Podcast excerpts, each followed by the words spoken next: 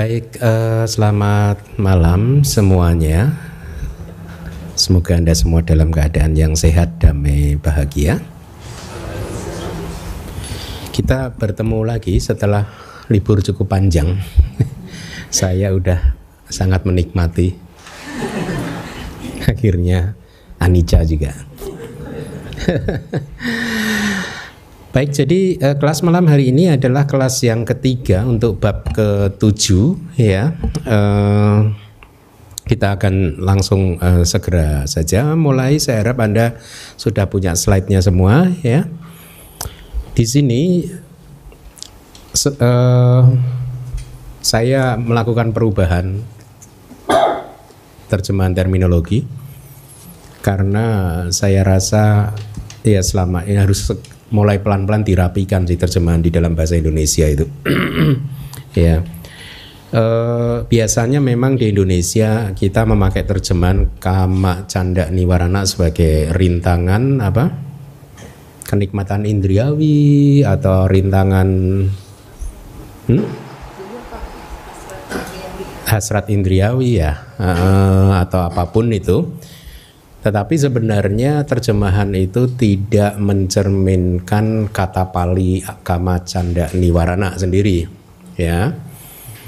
Uh, salah satu hambatan saya adalah waktu yang sempit, ketersediaan waktu yang sempit sehingga sering kali saya tidak mempunyai cukup waktu untuk memikirkan dan menemukan apa istilah-istilah yang tepat ya.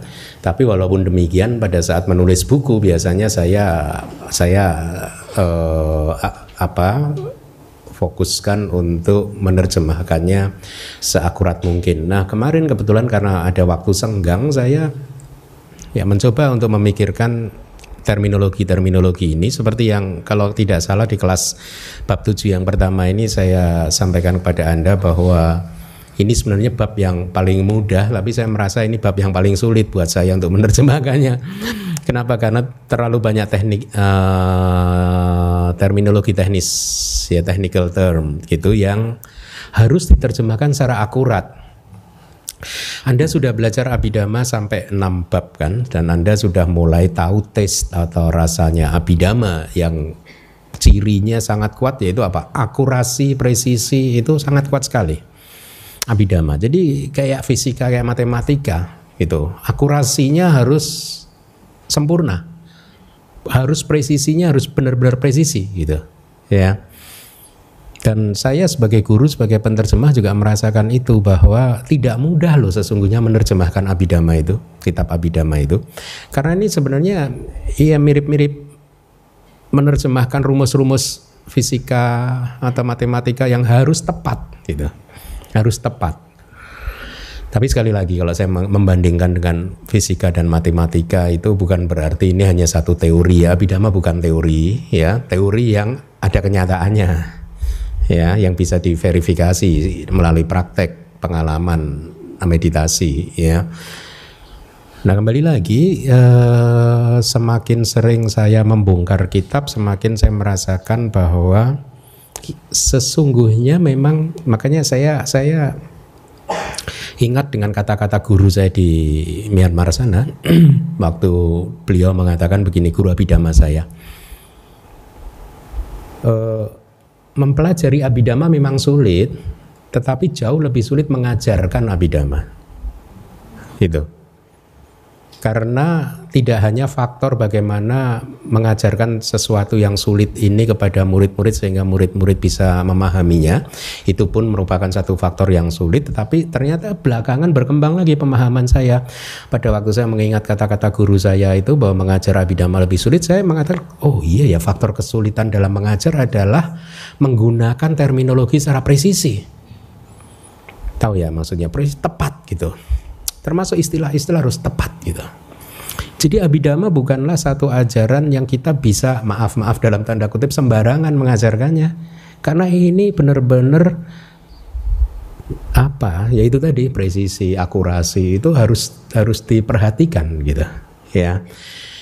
Sehingga kemarin-kemarin waktu saya teringat pada kata-kata guru saya itu saya harus mulai serius mumpung ada waktu libur cukup panjang kan dan kemudian uh, uh, saya melakukan perubahan untuk niwarana ya. Jadi kalau kama canda niwarana diterjemahkan secara sederhana seperti yang mungkin selama ini Anda dengar rintangan batin apa hasrat indriawi, nafsu indriawi atau kenik, rintangan batin kenikmatan indriawi itu tidak benar. Coba aja kalau Anda renungkan bahasa Indonesia secara tata bahasa Pali aja nggak benar. Uh, lupakan tata bahasa Pali, coba Anda renungkan juga bahasa Indonesianya. Rintangan batin nafsu indriawi. Artinya apa coba? Apa yang Anda pahami dengan rintangan batin nafsu indriawi atau rintangan batin hasrat indriawi atau rintangan batin kenikmatan? Apa yang Anda pahami dengan istilah-istilah itu? Rintangannya kenikmatan indriawi. Iya kan? Maknanya kan seperti itu kan? Iya enggak? Tapi selama ini di Indonesia dipakai itu. Hmm? Dan dan dan guru-guru tidak memikirkan bahwa itu salah. Ya. Makanya itu salah. Dari bahasa Indonesianya saja maknanya salah. Kalau kita mengatakan katakanlah rintangan batin hasrat indriawi. Berarti itu rintangan batinnya hasrat indriawi kan? Iya kan? Bukan hasrat indriawi tapi rintangannya kan? Ya, kira-kira begitu atau bisa dengan diartikan dengan berbagai macam hal yang lain yang intinya miss the point dalam artian uh, pengertian kama canda niwarana tidak tersampaikan dengan baik. Sebenarnya arti dari kitab-kitab saya sudah melakukan survei di beberapa kitab. Arti dari kama canda niwarana, biya pada niwarana, niwarana dan seterusnya itu artinya adalah bahwa kama canda itu sendiri itu adalah rintangan batin. Ini adalah rintangan batin yang disebut kama canda. Kira-kira begitu. Beda kan dengan yang tadi? Kalau tadi kan rintangan batinnya kama canda ya. Enggak, artinya enggak begitu. Artinya adalah ini satu rintangan batin yang disebut kama canda. Ya makanya di dalam grammar Pali kama canda niwarana itu kemarin saya coba pikirkan ini kalau di dalam tata bahasa Pali namanya kama daharaya compound satu compound tapi istilah teknisnya kama daharaya ya. Jadi di mana ada ber, ada banyak macam tata bahasa Pali tentang kama daharaya itu. Eh, Salah satu variannya adalah bahwa kata yang pertama ini kan terdiri dari dua kata ini katakan. Nah, sebenarnya ada tiga kata kan kama, canda, niwarana ya. Anggap aja dua kata kama, canda dan niwarana. Di dalam tata bahasa Pali salah satu varian dari kama daraya ini kompon kama daraya adalah kata yang pertama menjadi sumber dari kata yang kedua. Ya. Jadi kata yang pertama ini sumbernya malah sebenarnya Oh, jadi yang disebut niwarana ya ini nih gitu. Niwarana itu sumbernya ini nih, ini nih niwarana kamacanda gitu. Makanya kemudian meskipun agak tidak enak terjemahannya kemudian saya rubah rintangan yang disebut hasrat indriawi. Agak nggak enak sih, tapi poinnya adalah hasrat indriawi itu adalah rintangan batin. Ya. Tadinya mau saya ini kan misalkan uh, oh hasrat sensual Ya, saya saya, tem, saya ikuti istilah baru lagi. Biasanya kama, K A M A itu saya terjemahkan dua. Kan memang kitab komentarnya kama K A panjang M A itu kan terjemahan apa eh, definisi dari kitab komentar dan subkomentar bisa didefinisikan ke dalam dua poin. Pertama yang disebut kama itu adalah kilesa kita kilesa kita yang ingin menikmati objek-objek panca indera itu istilahnya juga kama dalam kama canda ini bukan karma ya k a m a gitu. Arti yang kedua kama itu arti yang kedua adalah uh, objek-objek panca indera itu sendiri itu juga kama ya. Tapi tentu saja dalam hal niwarana ini kama canda kamanya adalah kilesa itu tadi kan ya. Makanya di sini hasrat itu canda itu Ya, canda saya terjemahkan jadi hasrat kan seperti biasa kan ya. Kemudian kama itu adalah sensual karena saya melihat kamus KBBI kayaknya. Sensual itu adalah nafsu yang berkaitan dengan objek-objek panca indera kayaknya begitu kalau nggak salah di kamus besar bahasa Indonesia. yang saya rasa cukup cukup mewakili sih. Apa ya? Sensual. KBBI hmm? nafsu. Nah ya kan? Naluri ya. Artinya itu ber, bersifat sensual itu kan sense. Sense itu kan indriawi gitu. Ya jadi makanya saya mencoba memperkenalkan istilah baru has rintangan yang disebut hasrat sensual. Atau sebenarnya hasrat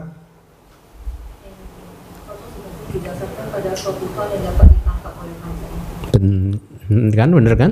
Ya kan? Saya kemarin ketemu satu istilah lagi agak lupa gitu. Hasrat apa gitu. Hmm. Hmm? Hmm? mana? Belum ya? Belum ada ya? Oh, belum ada ya? Oke okay, nanti saya ini kan deh. Jadi begitu terjemahannya agak tidak enak. Kenapa rintangan akhirnya tetap saya pertahankan diletakkan di depan karena memang ini judulnya adalah enam rintangan. Ya, jadi ya ini rintangan ini, rintangan ini, rintangan itu, rintangan itu, rintangan itu gitu. Jadi saya rasa secara tata bahasa Pali ini tidak salah. Nah, mari kita baca uh, bersama-sama uh, ikuti saya. Maksud saya enam rintangan, rintangan yang disebut hasrat sensual Bahasa palinya yang di atas itu saya beri warna kuning kama canda ni warna ikuti saya kama canda ni warna ya. Ya. Rintangan yang disebut niat jahat. Bahasa palinya bia pada ni warna. Rintangan yang disebut kemalasan dan kantuk. Tidak midak ni warna rintangan yang disebut kebingungan dan penyesalan udah cak kukucak niwarana yang tidak ada di sini rintangan yang disebut keraguan wicikica niwarana Ya, saya lebih suka kalau Anda menghafalkan bahasa palinya ya. Kama canda niwarana ikuti saya. Ya pada niwarana Tina mida niwarana Hudaca kukuca niwarana Wicikica niwarana. Hmm, ya. Sebenarnya bisa diterjemahkan juga ah, saya ada catatan. Rintangan yaitu hasrat sensual. Kan nggak enak tapi ya. Atau hasrat sensual sebagai rintangan tapi kan rintangannya jadi di belakang. Ya uh, anyway untuk sementara terjemahannya seperti itu tapi saya Pak Anda minta uh, minta Anda untuk memahaminya bahwa yang dimaksud adalah bahwa hasrat sensual dan seterusnya itu adalah rintangan batin. Rintangan batinnya yaitu hasrat sensual dan seterusnya itu sendiri ya. Nah uh, huh? uh, nah ya ya ya. Pada pertanyaan kenapa enam tidak lima Sebenarnya di kelas Mahasati Padana Sutta sudah saya jelaskan. Lima rintangan batin itu adalah rintangan untuk kelahiran di alam surga, merintangi kita. Kalau kita nggak mampu mengalahkan lima rintangan batin yang pertama itu, oh ada awija juga ya tadi belum disebutkan ya. Uh, wija niwarana itu yang keenam yaitu uh, rintangan yang disebut ketidaktahuan. Ya jadi ada enam. Maaf, maaf, maaf. Lima rintangan yang pertama adalah rintangan yang merintangi kelahiran di alam surga. Rintangan yang merintangi pencapaian jana. Ya.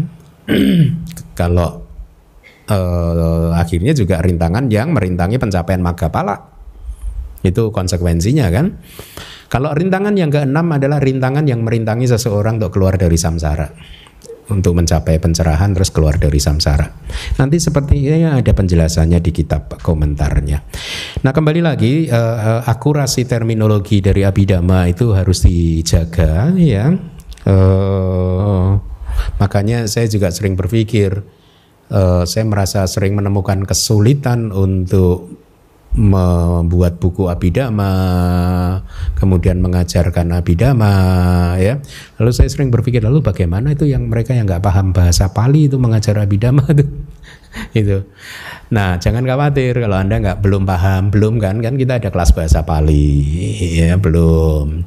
Untuk sementara anda belum paham ya anda rely on buku yang terpercaya. Kalau kayak saya dulu tahun pertama, tahun kedua tiga tahun belajar di Myanmar itu saya rely on Biku Bodhi's book. Jadi saya bergantung dengan bukunya Biku Bodhi gitu karena saya anggap itu terpercaya kan. Jadi kita harus begitu menghormati akurasi, presisi itu dengan bersandar untuk sementara kepada buku-buku yang terpercaya ya. Mengajar itu ada tanggung jawab moral spiritualnya loh. Ya, jadi Anda yang mengajar juga begitu uh, apa? Pegang satu buku yang benar kemudian ajarkan itu gitu. Sambil pelan-pelan nanti setelah anda bahasa palinya meningkat anda akan mulai bisa mengalami kemajuan di dalam memahami uh, mengajar ya. Jadi uh, itu uh, hmm, ya tidak ada lagi. Jadi ada berapa rintangan batin? 6 sering orang menyebut rintangan batin yang juga boleh benar ya. Tapi saya cenderung untuk menyingkat ya sependek mungkin gitu. Cukup rintangan tapi kita paham itu adalah rintangan batin gitu ya. penjelasannya dari kitab Wibawinidika yang disebut rintangan-rintangan kenapa disebut rintangan-rintangan definisinya? Karena gitu seharusnya karena mereka rintangan-rintangan tersebut menghalangi munculnya kesadaran baik seperti jana dan lain-lain. Tadi sudah saya sampaikan mereka artinya rintangan-rintangan tadi tidak mengizinkannya untuk muncul ya. Atau mereka dinamakan rintangan dengan makna penutupan mata kebijaksanaan yaitu untuk yang keenam ya. Jadi selama masih ada wija maka mata kebijaksanaan akan tertutup gitu. Jadi sesungguhnya seperti yang tadi saya katakan bahwa niwarana itu menghalangi atau semacam rintangan yang menghalangi merintangi ya satu jalan ada rintangannya ada yang ngeblok begitu menuju ke kelahiran alam surga pencapaian jana dan nibana. Di suta sepertinya saya pernah sampaikan di kelas hari Minggu itu pernah ada satu suta yang menggambarkannya seperti awan hitam yang menyelimuti atau menutupi langit yang biru. Itu arti dari niwarana. Ah, niwarana itu menutupi gitu. Semacam menutupi begitu. Jadi ini langit ketutup sama atau lebih mudahnya ini matahari tertutup sama awan. Nah, itu niwarana. Mataharinya tertutup jadi nggak kelihatan gitu. Nah, di dalam meditasi apabila Anda ingin mencapai jana, maka Anda harus bisa menyingkirkan atau menekan ya menekan untuk sementara e, bukan menghancurkan ya. Singkirkan ditekan dulu supaya nggak muncul ya. Lima niwarana bukan enam ya. Karena itulah mengapa seseorang yang mencapai jana itu awijanya juga masih ada gitu. E, pencapaian jana kan bukan monopoli Buddhis ya toh ya jadi belum tentu dia tercerahkan karena masih ada awija niwarananya ya Nah, jadi niwarana yang keenam tadi sudah saya sampaikan itu menghalangi jalan untuk mm, merealisasi nibana dan dengan demikian keluar dari samsara. Ya, itu definisinya. Mari kita lihat definisi satu persatu. Kama canda saya udah udah kurung itu terdiri dari dua kata kama plus canda hasrat sensual sebenarnya hasrat itu canda kama itu adalah kesenangan kepuasan indriawi ya. Uh, ingin mencari kepuasan kepada objek-objek indriawi panca indera itulah yang disebut kama ya di sini ya Uh, tapi saya terjemahkan sebagai sensual, jadi hasrat sensual. Arti dari sensual itu sendiri atau kama, kata pali kama itu sendiri, itu termasuk dalam lihat yang disebut kama itu adalah nafsu yang berlebihan dalam hal lima bagian kenikmatan indriawi. Pan ini istilah baru apa yang saya minta anda juga uh, mulai kenali. Panca kama guna ikuti saya panca kama guna. Dulu saya terjemahkan menjadi lima tali indriawi ya yang mengikat batin kita kepada objek-objek panca indera. Ternyata kemarin saya ketemu kitab subkomentar yang baru yang yang lebih tepat sebenarnya adalah bagian gitu. Jadi lima bagian kenikmatan indriawi artinya lima bagian kenikmatan melalui mata, menikmati objek mata, bagian kenikmatan untuk menikmati suara itu ada. Jadi kepuasan kenikmatan untuk menikmati objek-objek panca indera ini dikatakan di sini sebagai guna GUN ada titiknya A. Guna di sini ternyata diterjemahkan jadi bagian. Jadi panca kama guna adalah lima bagian kenikmatan indriawi. Ya, jadi kama sensual atau kepuasan indriawi, kenikmatan indriawi dikatakan di dalam wibawi nidika adalah nafsu yang berlebihan dalam hal lima bagian kenikmatan indriawi. Artinya nafsu yang berlebihan untuk senantiasa menginginkan menikmati objek panca indera. Anda yang kemarin ikut retret, Anda bisa fokus kepada nafas? Tidak bisa, itulah kama ya batin Anda selalu kayak ditarik keluar untuk mengingat-ingat objek yang pernah Anda alami melalui panca indera. Atau objek baru melalui suara, melalui hidung. Orang bikin kopi misalkan hidung Anda terganggu. Ya jadi lihat itulah yang disebut kama sensual. Kenikma, uh, kenikmatan indriawi. Batin kita selalu sudah terbiasa ingin menikmati objek-objek panca indera. Nah uh, hasrat atau canda itu artinya di sini keinginan. Saya rasa kita udah belajar ya di cetasika ya, mirip lah nih ya. Cuman hasrat ini kan faktor mental yang netral ya. Jadi rintangan, nah lihat yang saya garis-garis bawah itu sebenarnya definisi dari rintangan yang disebut hasrat sensual itu rintangan yang persis seperti itulah sebenarnya disebut sebagai rintangan yang disebut hasrat sensual. Kira-kira begitu. Ini terjemahannya mungkin kurang rapi sih. Jadi rintangan yang persis demikian itu artinya rintangan yang seperti itu itu loh gitu. Itu ya. Yang disebut sebagai rintangan yang disebut hasrat indriawi. Paham ya? Atau sulit? Hmm? Enggak ya. Nah, saya ada pertanyaan buat Anda. Kama canda. Kalau di Dhammasanggani, Anda akan diminta oleh kitab tersebut untuk membreakdown sampai ketemu ultimate realitiesnya, untuk ketemu para mata damanya. Kama canda itu apa sih sesungguhnya? Kama canda itu kan konsep. Itu samuti saja, konvensional. Bukan para mata. Ya. Nah, para mata damanya apa? Cetasika loba. Ya. Jadi kama canda niwarana itu adalah kebenaran konvensional konsep para mata damanya adalah cetasika lo ba. Ya bagus. Mari kita lanjutkan. Disebabkan olehnya disebabkan oleh kama canda. Ini menarik. Batin menjadi terluka. Hmm? Hmm? oh biabada itu sorry ya Disebabkan olehnya batin menjadi terluka. Disebabkan oleh niat jahat, batin menjadi terluka. Ya, binasa, koma. Maka disebut sebagai niat jahat. Ya, titik berhenti dulu. Jadi lihat, kalau batin kita terluka, yang menyebabkan apa sebenarnya? Sakit hati. Kalau Anda sakit hati, itu batin Anda terluka, itulah biapada. Ya, Biapada itu adalah konsep. Para mata damanya apa? Mudah ya, dosa ya, dosa cetasika ya. Niat jahat atau sembilan jenis kebencian yang merupakan sebab terdekatnya Anda sudah belajar di bab pertama kan sembilan landasan untuk kemunculan dosa ya dia dulu pernah menyakiti saya, saat ini sedang menyakiti saya, atau besok kelihatannya akan menyakiti saya, dan seterusnya kan. Dia pernah menyakiti teman saya, dia sedang menyakiti teman saya, dia akan menyakiti teman saya, ya. Atau dia dia dekat sama musuh saya. Sirik ya problem 2600 tahun yang lalu sampai hari ini tetap sama ya. Karena itu ultimate reality. Eh bukan, iya ultimate reality sifatnya kayak gitu para mata dhamma kan. Itu sembilan sebab terdekat kemunculan dosa uh, atau atau atau di bab satu kemunculan patiga atau biapada ya patiga ya ya pokoknya dosa lah kebencian Saya harap Anda masih ingat.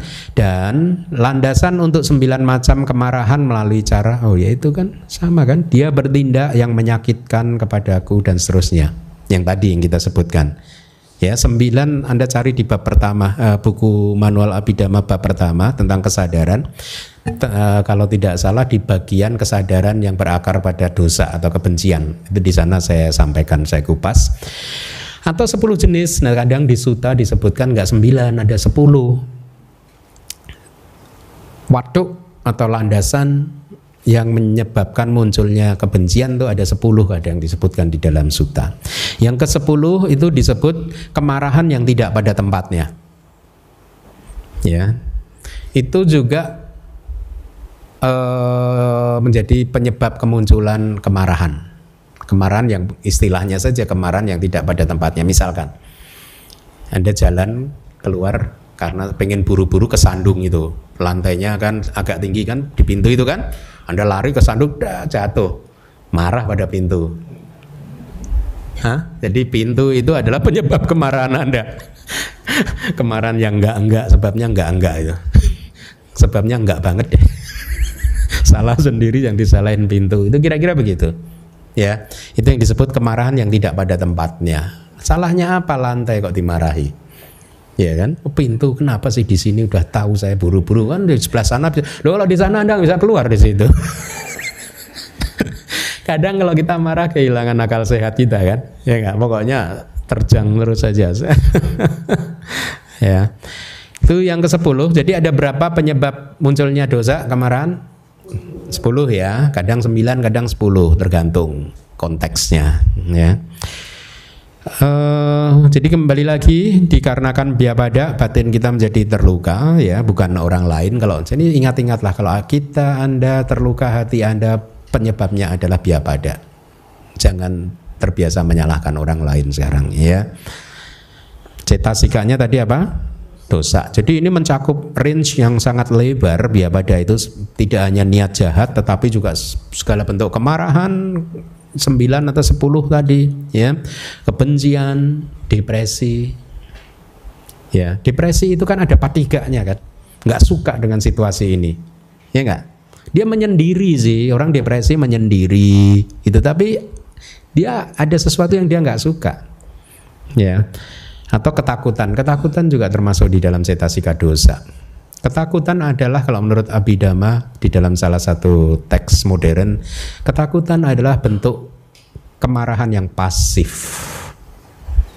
Ya, kalau kemarahan yang aktif itu orang yang meledak-ledak. Kalau yang orang takut itu dia dia nggak suka tapi pasif dia. Itu itu juga termasuk dalam biapada ya. Jadi selama itu semua dengan atau rintangan-rintangan ini tidak berhasil kita singkirkan, kita tekan, maka samadhi tidak muncul. Kembali saya jelaskan ya. Uh, mari kita lanjutkan. Yang ketiga adalah rintangan yang disebut kemalasan dan kantuk. Uh, bahasa palinya apa? Tina, mida, ni warana adalah rintangan yang merupakan kemalasan dan kantuk itu sendiri. Lihat ini dari Wibawinitikanya juga artinya seperti itu kan. Jadi kalau Anda baca itu, itu terjemahan dari kitab subkomentarnya adalah rintangan yang merupakan kemalasan dan kantuk itu sendiri. Kalau Anda menemukan terjemahan yang lebih bagus dari saya, tolong di WA ke saya, sampaikan ke saya karena nanti akan kalau saya pertimbangkan yang bagus ya kita pakai di buku ya. Untuk sementara ini ya rintangan yang disebut kemalasan dan kantuk Demikian pula halnya dengan kebingungan dan penyesalan. Artinya ya kebingungan dan penyesalan itulah rintangan. Ya, udacak dan gugucak itulah rintangannya.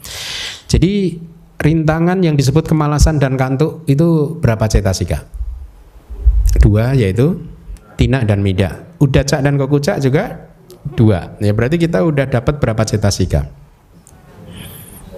Kama canda, loba, dosa, tina, mida, udaca, kokuca, udah enam ya. Ya. Mari kita teruskan. Eh masih ada ya, enam. Berapa lagi? Michikica. Michikica nggak dibahas di Wibawinidika karena mungkin dianggap mudah. Berarti tujuh. Terus? Awija? Moha. Berarti delapan. Cak niwarana, enam niwarana itu sesungguhnya delapan cetasika. Paham ya? Delapan ya. Loba, dosa, tina, mida, udaca, guguca, wicikica, moha. Ya, bagus. Ada pertanyaan, akan tetapi kenapa masing-masing dua dhamma yang terpisah ini dikatakan dalam satu rintangan artinya? Kenapa tina, mida, dan udaca, guguca digabungkan? Ya, kan itu dua cetasika yang berbeda. Kenapa disebut sebagai satu rintangan? Tina mida ni warana, udah cak kuku cak ni warana. Padahal dia dua cetasika, itu maksudnya. Karena adanya kesamaan fungsi makanan dan lawan. Saya harap Anda hafalkan itu. Kenapa? Karena ada tiga hal kesamaan fungsi, ikuti saya. Fungsi, kesamaan makanan, dan kesamaan lawan. Makanan di sini artinya sebab.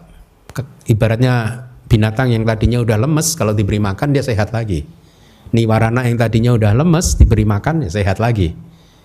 Ya, itu artinya. Bahasa palinya sudah saya beri warna kuning. Kesamaan fungsi fungsi adalah kica, ikuti saya kica. E, makanan adalah ahara. Lawanan lawan adalah pati paka. Ya, kalau kesamaan itu semana itu belakangnya itu. Hanya semana itu. Sama di sini dan sama di sana, itu hanya semana. Jadi kica ahara pati pakanang samana bawato ya.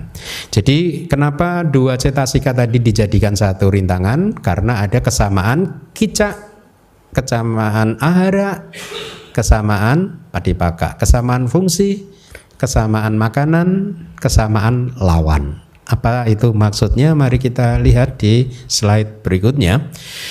Kemalasan dan kantuk, tina dan mida atau tina mida memiliki kesamaan fungsi, fungsinya sama yaitu membuat batin lamban. Di bab 2 Anda sudah belajar kan? Ya. Kesadaran, membuat kesadaran kita lamban. Mudah sih sebenarnya dihafalkan kalau yang ini. Kalau Anda ngantuk coba Anda lamban. Ya. Lamban kan? Bisa enggak sih orang ngantuk terengginas gitu? Enggak ngantuk dong dia. Kamu ngantuk tapi kok ganas ya? berarti nggak ngantuk. Tapi sebaliknya uh, maksud saya yang berikutnya kebingungan dan penyesalan udacak dan kokucak membuat kesadaran menjadi tidak tenang.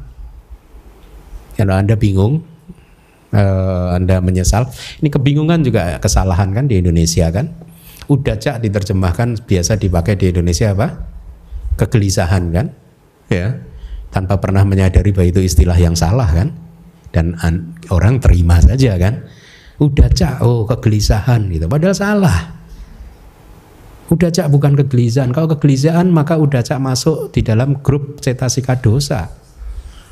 Udah cak itu masuk di eh, kelompok moha. Cirinya beda perasaan yang menyertai ketenangan. Kegelisahan nggak mungkin tenang batinnya. Bingung iya kok kamu cool banget sih? Keren ya kamu padahal bingung dia. Mau ngapain? Mau ini bingung ada men diem aja. Bisa dia UPK padahal bingung. Ya itu juga banyak kesalahan yang harus diperbaiki di Indonesia. Uh, jadi itu tadi satu fungsinya sama yaitu Tinak midak membuat batin lamban, udah cak guja membuat batin tidak tenang ya. Kemudian makanan artinya adalah sebab kemunculannya gitu. Untuk pasangan yang awal makanannya adalah ketidakpuasan dan kemalasan. Kan, ya. Jadi kalau Anda merasa tidak puas, terus ada kemalasan di sana, maka ngantuk gitu. Tindak mida akan muncul. Sementara pasangan yang terakhir udah cak kukucak makanannya sebab kemunculannya adalah pikiran tentang kemalangan yang dialami oleh sanak family itu dan lain-lain. Saya nggak sempat mencari sih uh, apa uh, kemalangan dan lain-lainnya. Ini apa saja gitu. Tapi untuk sementara kita terima itu dulu. Selanjutnya Pasangan yang awal lawannya adalah wirya. Kalau Anda sedang ngantuk, sedang malas, maka harus dikembangkan wirya. Hah? Witaka uh, iya sebenarnya mirip loh Witaka dan Wirya itu sifatnya mirip. Uh, karena pergerakan kan Witaka itu adalah pergerakan batin ke objek, wirya itu juga yang menopangnya. Di sini dikatakan wirya sih. Memang kalau kita bicara faktor jana, witaka sih. Ya. Pasangan yang terakhir adalah ini tidak berbicara tentang faktor jana sih, karena yang terakhir pun lawannya adalah samata. Hmm? Hmm. Uh, sebentar.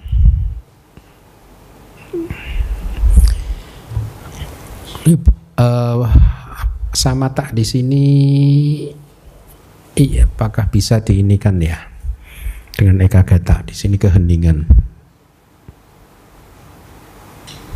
Coba saya ceknya sebentar ya. Hmm. bab ke tujuh syair nomor berapa tadi ya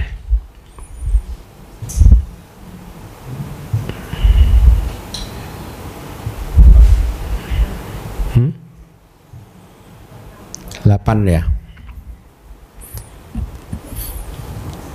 Udah cak kucak nih waran angkas mapan ete sama nabautina bidan situ pananya sama namudan.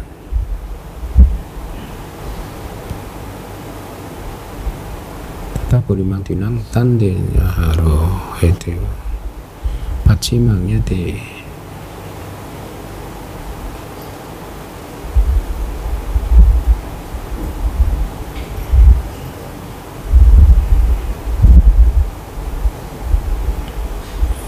puri manca dwinang wiryang padi baka butang wirya. Tapi sebentar paci manang tata puri manang dwinang pasangan yang berikutnya dan maaf ya. Dan dibaca haru.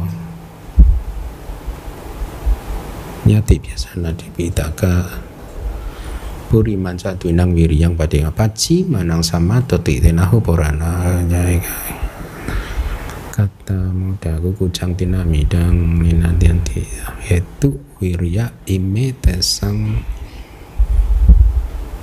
Iya. Iya purima. Jadi pasangan yang pertama memang benar tetap wirya. Yang kedua samata. Ya ya harusnya sih tapi di sini tidak ketemu juga. Apakah ini eka gata? Memang harusnya eka gata harusnya tapi tidak ketemu di teksnya. Tidak dicantumkan maksud saya. Harusnya iya eka kata. Meskipun di teksnya di sini tidak ada. Ya nanti di bukunya Lady saya do kita lihat. Oke. Okay. maaf maaf maaf. Jadi itu tadi lawannya ya ada lanjutannya di teks palinya sebenarnya gini. Eh, oleh karena itu ada nggak sih di slide telah dikatakan oleh orang di zaman kuno dahulu nggak ada ya? Nggak ada. Jadi lanjutan teksnya begini. Oleh karena itu telah dikatakan oleh orang di zaman dahulu disebabkan karena kesatuan fungsi makanan dan lawan maka udat cak kukucak dan tina mida dianggap sebagai satu kesatuan oleh Buddha. Ya, kelambanan dan ketidaktenangan adalah fungsinya. Kemalasan dan pikiran tentang sanak family adalah sebabnya. Wirya dan samata makanya ini kan tetap samata dia sebutnya. Wirya dan samata adalah lawannya. Yeah.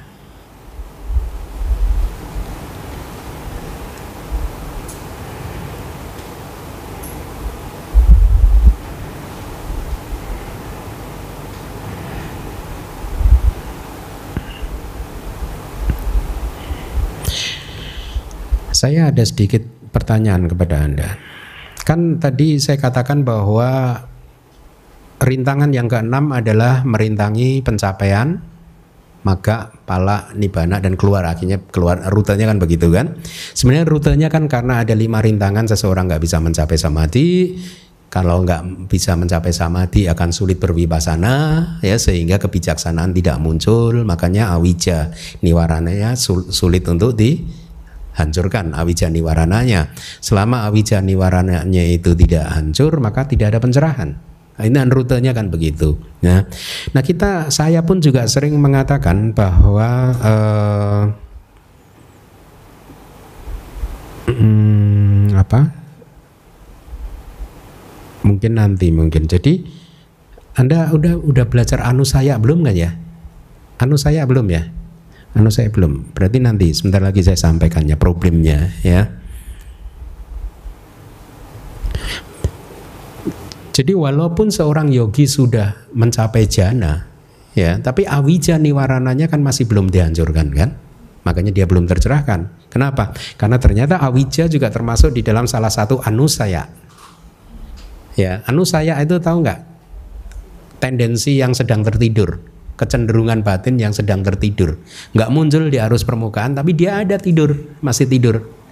Ya, mari kita lanjutkan dulu. Ya, karena ada anu saya. Ikuti saya, ada tujuh tendensi laten. Tendensi laten itu bahasanya anu saya, anu saya hanya pendek yang belakang. Yang pertama adalah kama raga anusaya.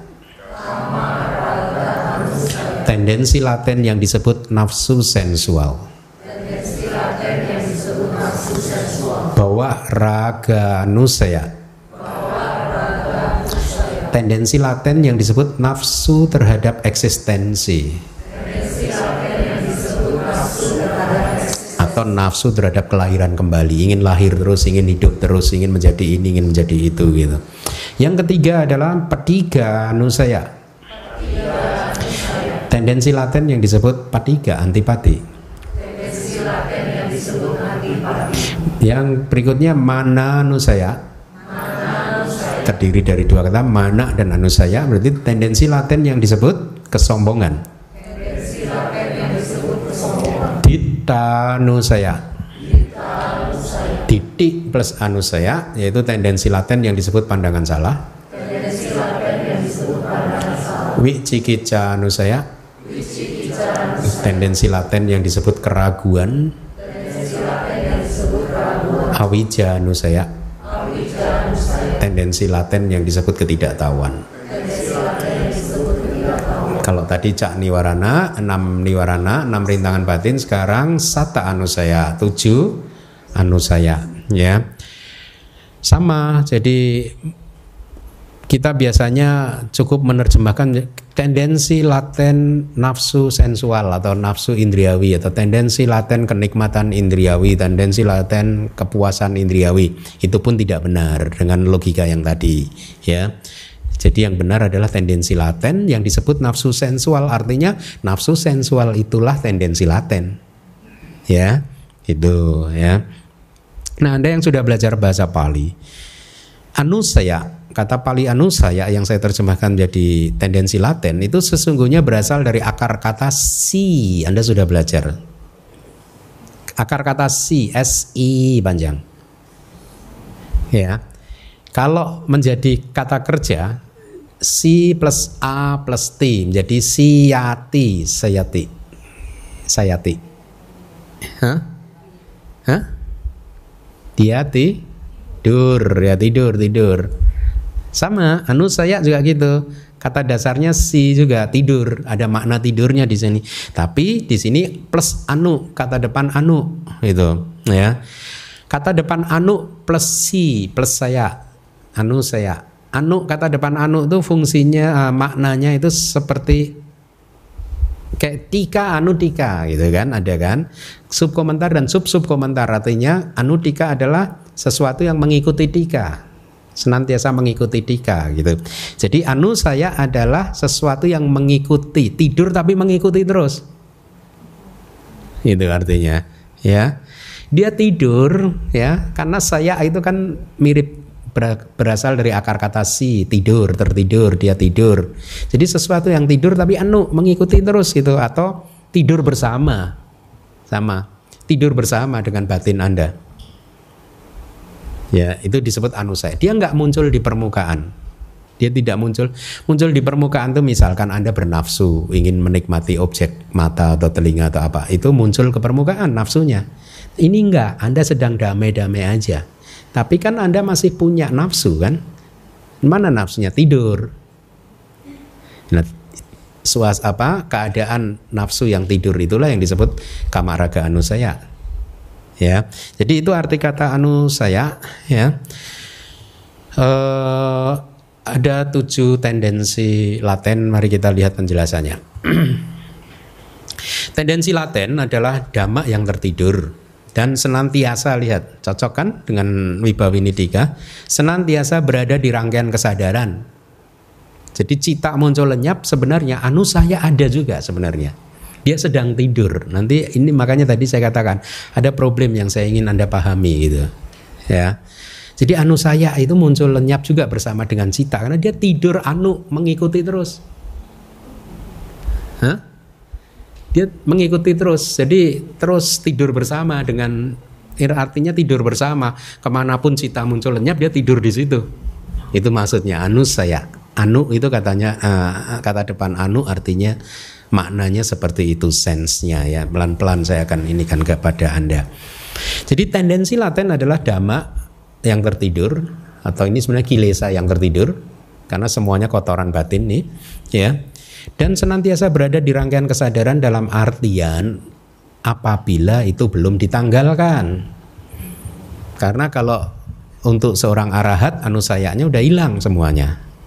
Udah ditanggalkan semuanya udah dihancurkan semuanya. Ya toh? Artinya pada saat dia tidur, ketika telah mendapatkan kondisi yang cocok, maka mereka bangun muncul. Jadi tujuh anu saya itu seperti itu saat ini sedang tidur. Kalau kondisinya ada, maka dia bangkit. Dia akan muncul ke arus kesadaran Anda. Ya, kalau hanya di arus kesadaran Anda, Anda bisa mengendalikannya, maka anda tidak melanggar sila bisa jadi, tapi kalau Anda tidak bisa mengendalikannya keluar melalui pintu lisan atau pintu tubuh bisa jadi terjadi pelanggaran sila. Ya. Nah, pertanyaannya siapa yang menanggalkan anu saya? Hmm? Siapa yang menanggalkan anu saya secara bertahap lah. Sebenarnya ini dalam Dhamma Sanggani ini kayak kerak yang tebel dikikis oleh ini pelan-pelan secara bertahap sih magaknya nah pengetahuan jalan atau kesadaran jalan itulah yang menanggalkan anu saya ya selama seseorang belum berhasil memunculkan maga cita atau maga nyana pengetahuan jalan maka anu saya juga tidak terkikis istilahnya. Masih tebal-tebal terus gitu ya. Nah jadi yang menanggalkan adalah maga atau kesadaran jalan ya.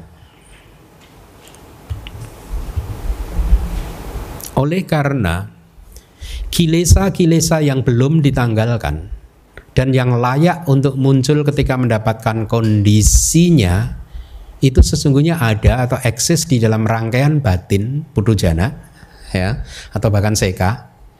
Sekas sotapana sakadagami anagami juga masih punya loh. Hanya arahat yang udah nggak punya anu saya paham ya kalimat ini ya? Kilesa tadi eksis atau ada di dalam rangkaian batin masing-masing baik itu pudu jana maupun seka ya sesuai dengan kapasitasnya masing-masing seolah-olah senantiasa dalam keadaan tidur keadaan seperti itulah yang dikatakan sebagai tendensi laten ya uh,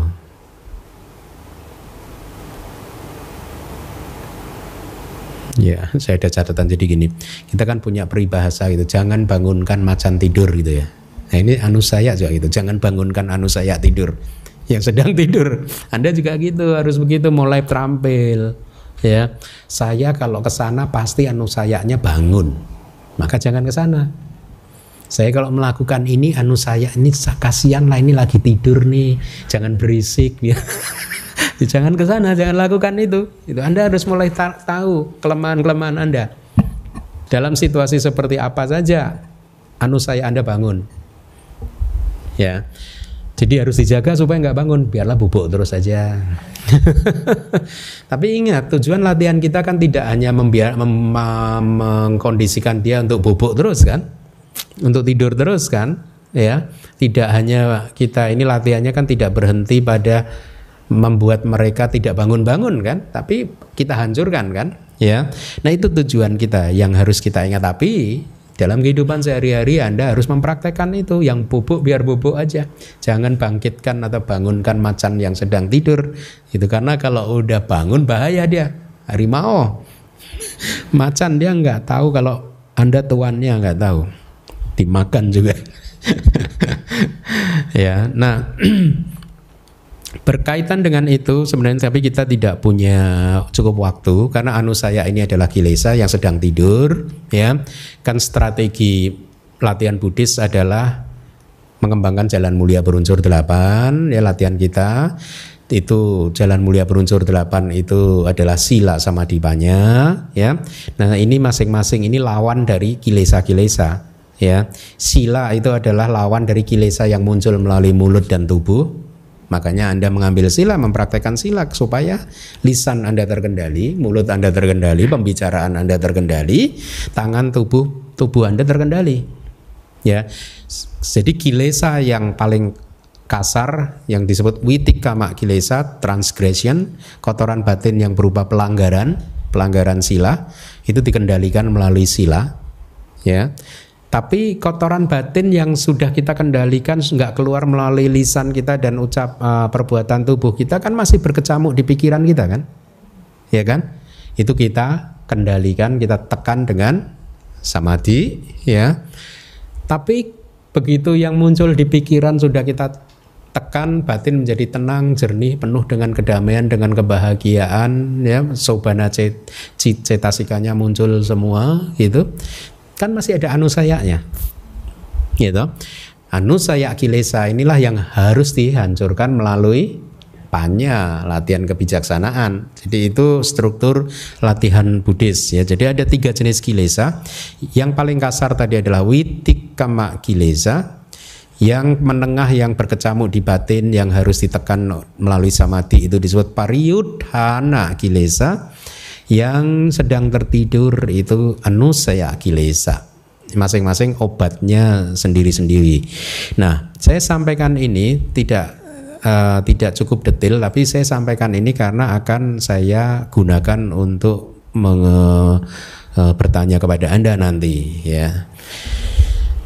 Kita lanjutkan dulu. Akan tetapi dari sudut pandang absolut, ya, jadi ini ini guru di Wibawinitika sedang mencoba akan memberikan ini kepada kita nih problem kepada kita. Kilesa-kilesa di masa depan oleh karena memiliki karakteristik alamiah yang sama dengan yang di masa lalu dan di masa kini juga sama kan? Kilesa di masa depan itu sama ya karakteristiknya dengan yang pernah muncul di masa lalu atau sedang muncul di saat ini. Maka menurut Wibawi ini Kilesa di masa depan juga disebut sebagai tendensi laten. Artinya kilesa yang akan muncul di masa depan itu pun juga tendensi laten. Ya. Makanya tadi dikatakan dari sudut pandang hakiki absolut. Hal ini karena tidak ada perbedaan karakteristik alamiah dari damak-damak dalam waktu yang berbeda. Artinya kalau dosa itu di masa lalu ya begini, masa depan begini, saat sekarang ya begini tiga waktu yang berbeda karakteristiknya sama ya. Jadi di sini ini mengatakan bahwa kilesa-kilesa di masa depan itu juga anusaya. Mereka sedang tidur gitu, belum muncul ya.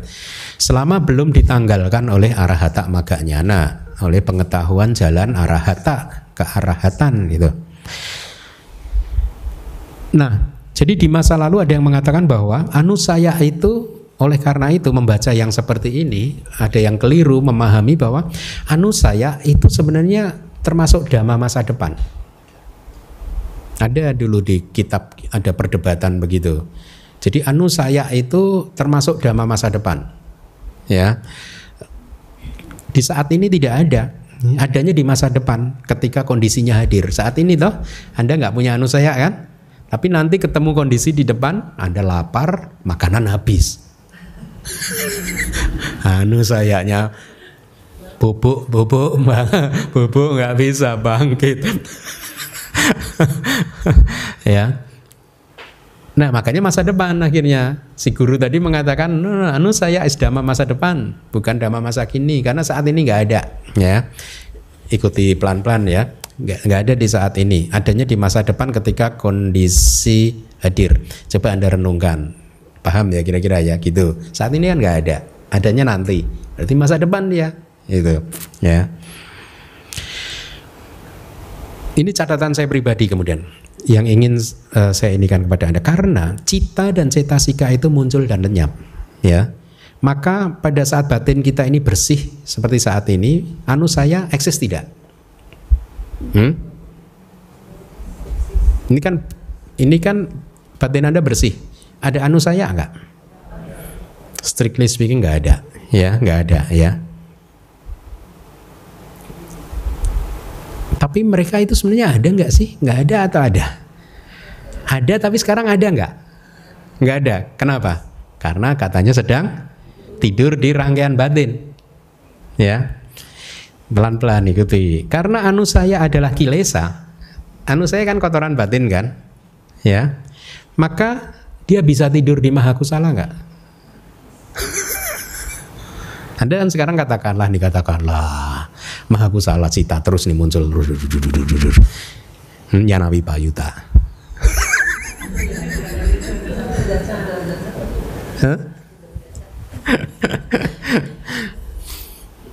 anu saya kilesa itu muncul bersama maha kusala cita enggak?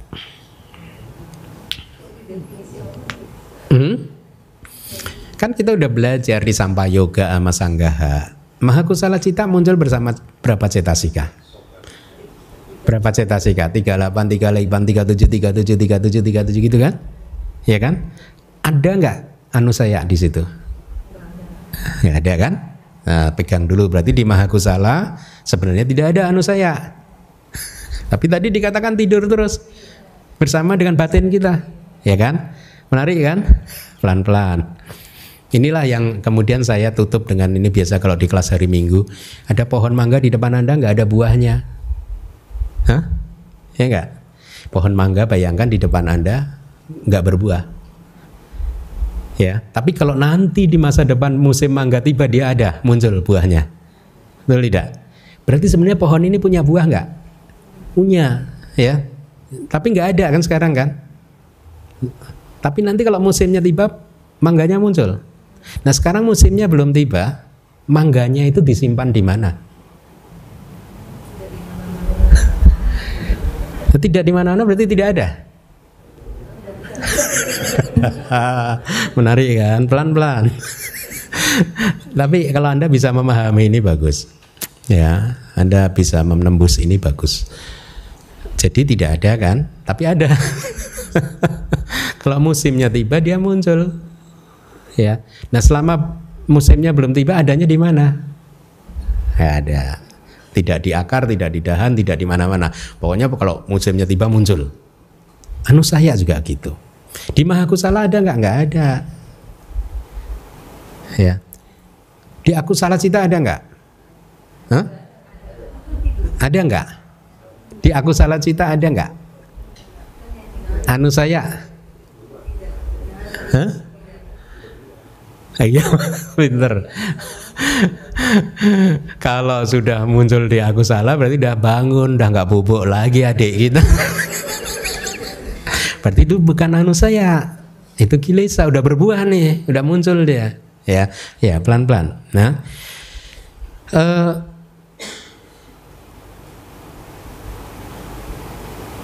Tapi tadi dikatakan di Mahakusala kan tidak ada anu saya karena 38 cetasika atau 37 atau ini 37 yang terakhir berarti 36 ya.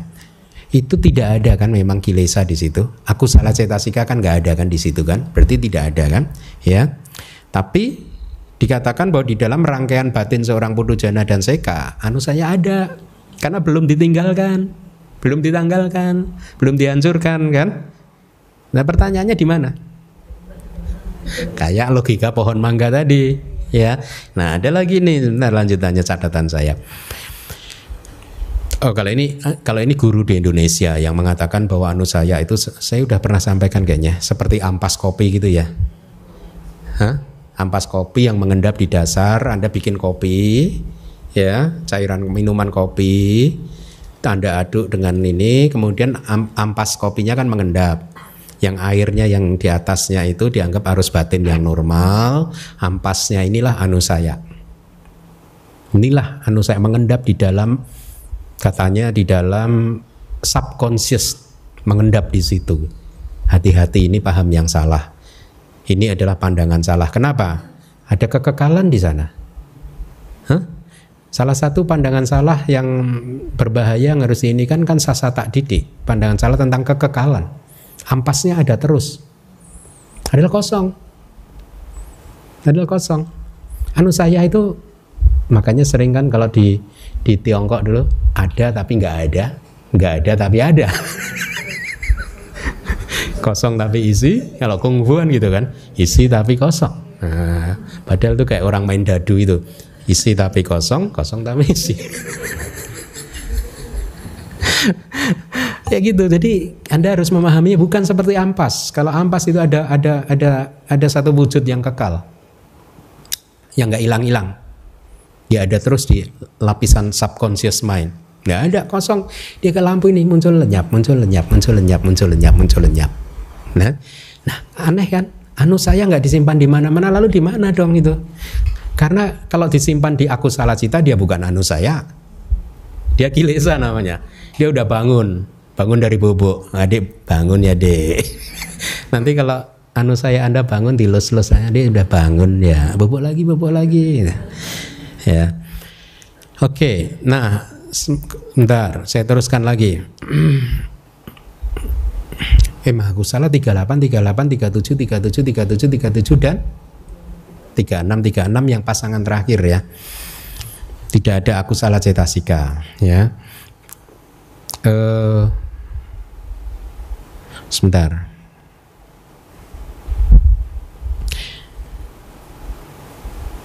Lalu pertanyaannya kemudian, anu saya itu damak masa depan, masa lalu atau masa kini?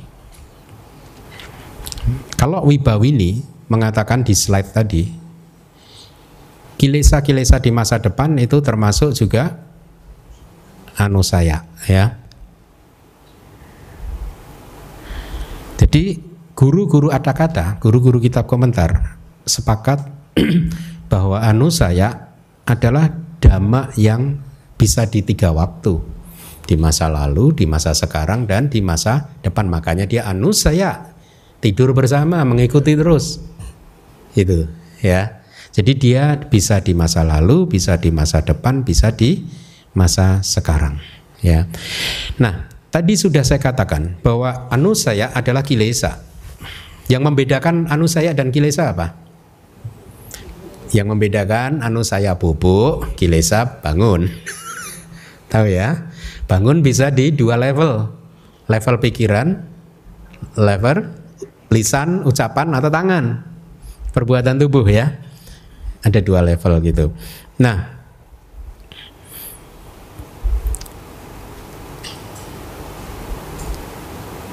ini yang saya ingin Anda renungkan. Saya sering mengatakan atau guru-guru dhamma yang lain juga sering mengatakan bahwa kesadaran jalan menghancurkan kilesa. Gitu? Saya sering mengatakan itu juga kan? Bahwa yang menanggalkan kilesa, mencabut kilesa sampai ke akar-akarnya itu adalah kesadaran jalan kan? Ya. Benar kan? Coba Anda renungkan. Dalam kerangka waktu momen kemunculan kesadaran jalan. Seperti tadi, Mahakusala tadi. Pada saat kesadaran jalan muncul, ada kilesa nggak di situ? Hah? Nggak ada kan? Seperti Mahakusala tadi kan? Pada saat kesadaran jalan muncul, dia ini kan kesadaran baik kan? Adi duniawi kan? Tidak ada kilesa, cetasika kilesanya nggak ada. Cetasika yang aku salah nggak ada kan? Di dalam kesadaran jalan. Lah tadi dikatakan kesadaran jalan menghancurkan kilesa. Kesadaran jalan mencabut kilesa. Kilesa yang mana yang dicabut? Hah? kan nggak ada tadi kilesanya. Kok dihancurkan?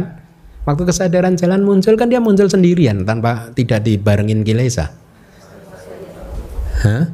Lalu apa yang dihancurkan yang sering saya mengatakan dan guru-guru dhamma lain mengatakan bahwa pada saat kesadaran jalan muncul maka dia menghancurkan kilesa. Di pelajaran bab 1 juga kayaknya juga ada kata-kata seperti itu.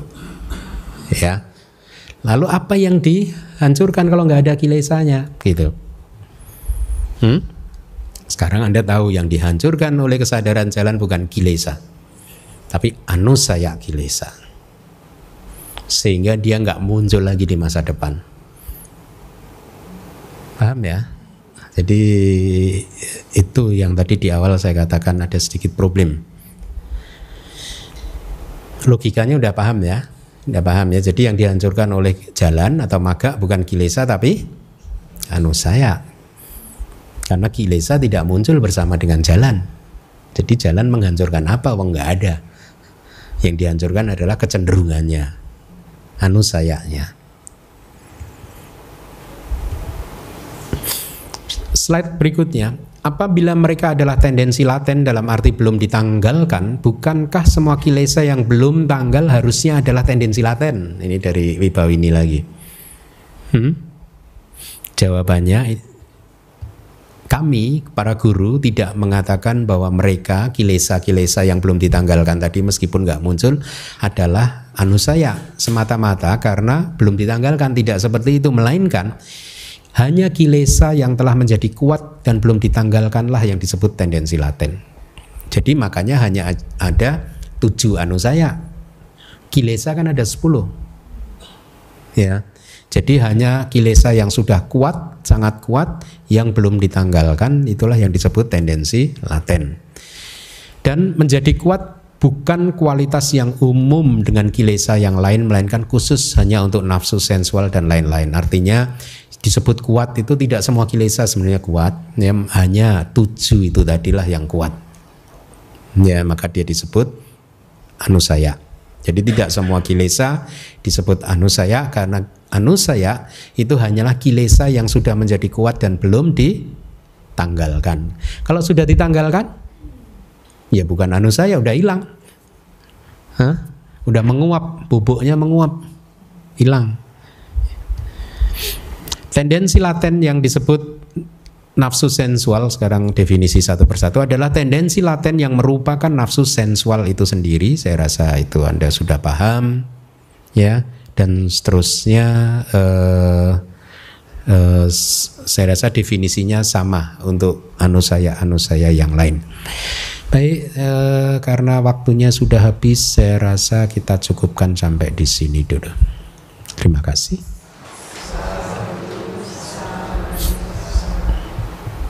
Ya, terima kasih Bante atas penjelasan malam hari ini. Uh, Bapak Ibu, teman-teman, ada yang mau bertanya? nggak ada nggak ada pulang tidur anu saya anu saya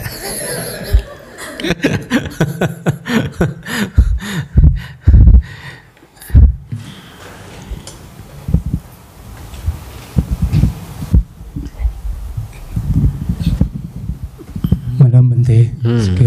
Ya ya. Uh, saya mau ini apa menegaskan apakah benar yang telah saya dapatkan ini.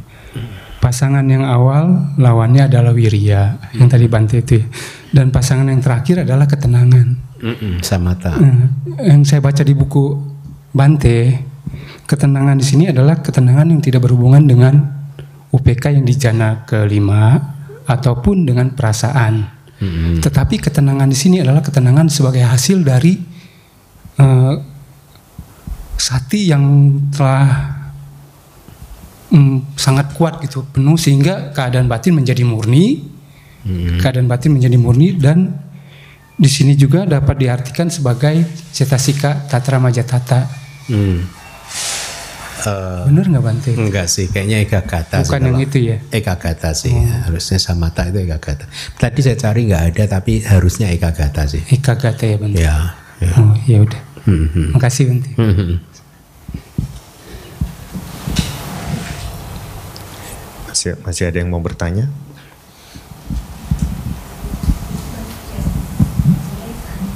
Hmm?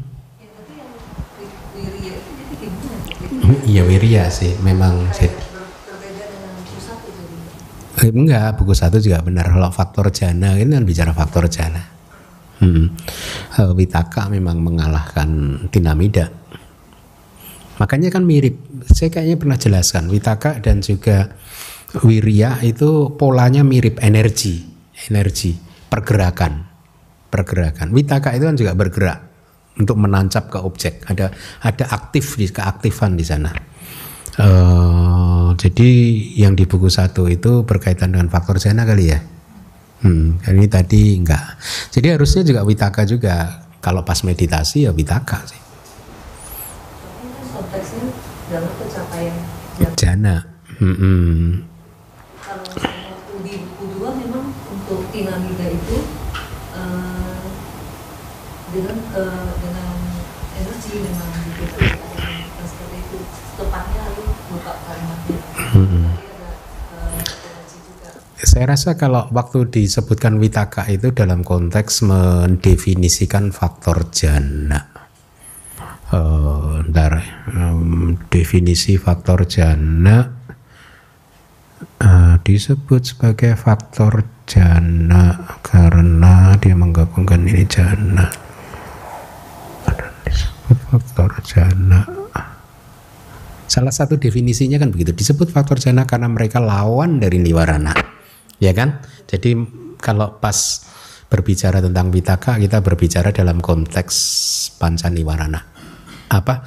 Eh, faktor jana itu. Tapi ini mungkin secara umum. Jadi di dalam eh, aktivitas sehari-hari juga gitu.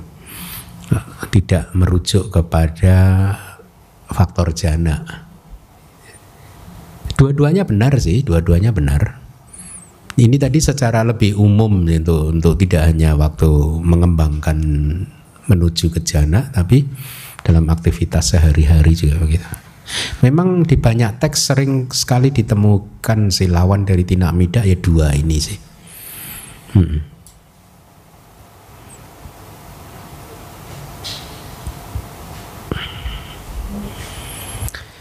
Oke. Baik, saya rasa cukup nggak ada lagi ya. Kita tutup kelas kita.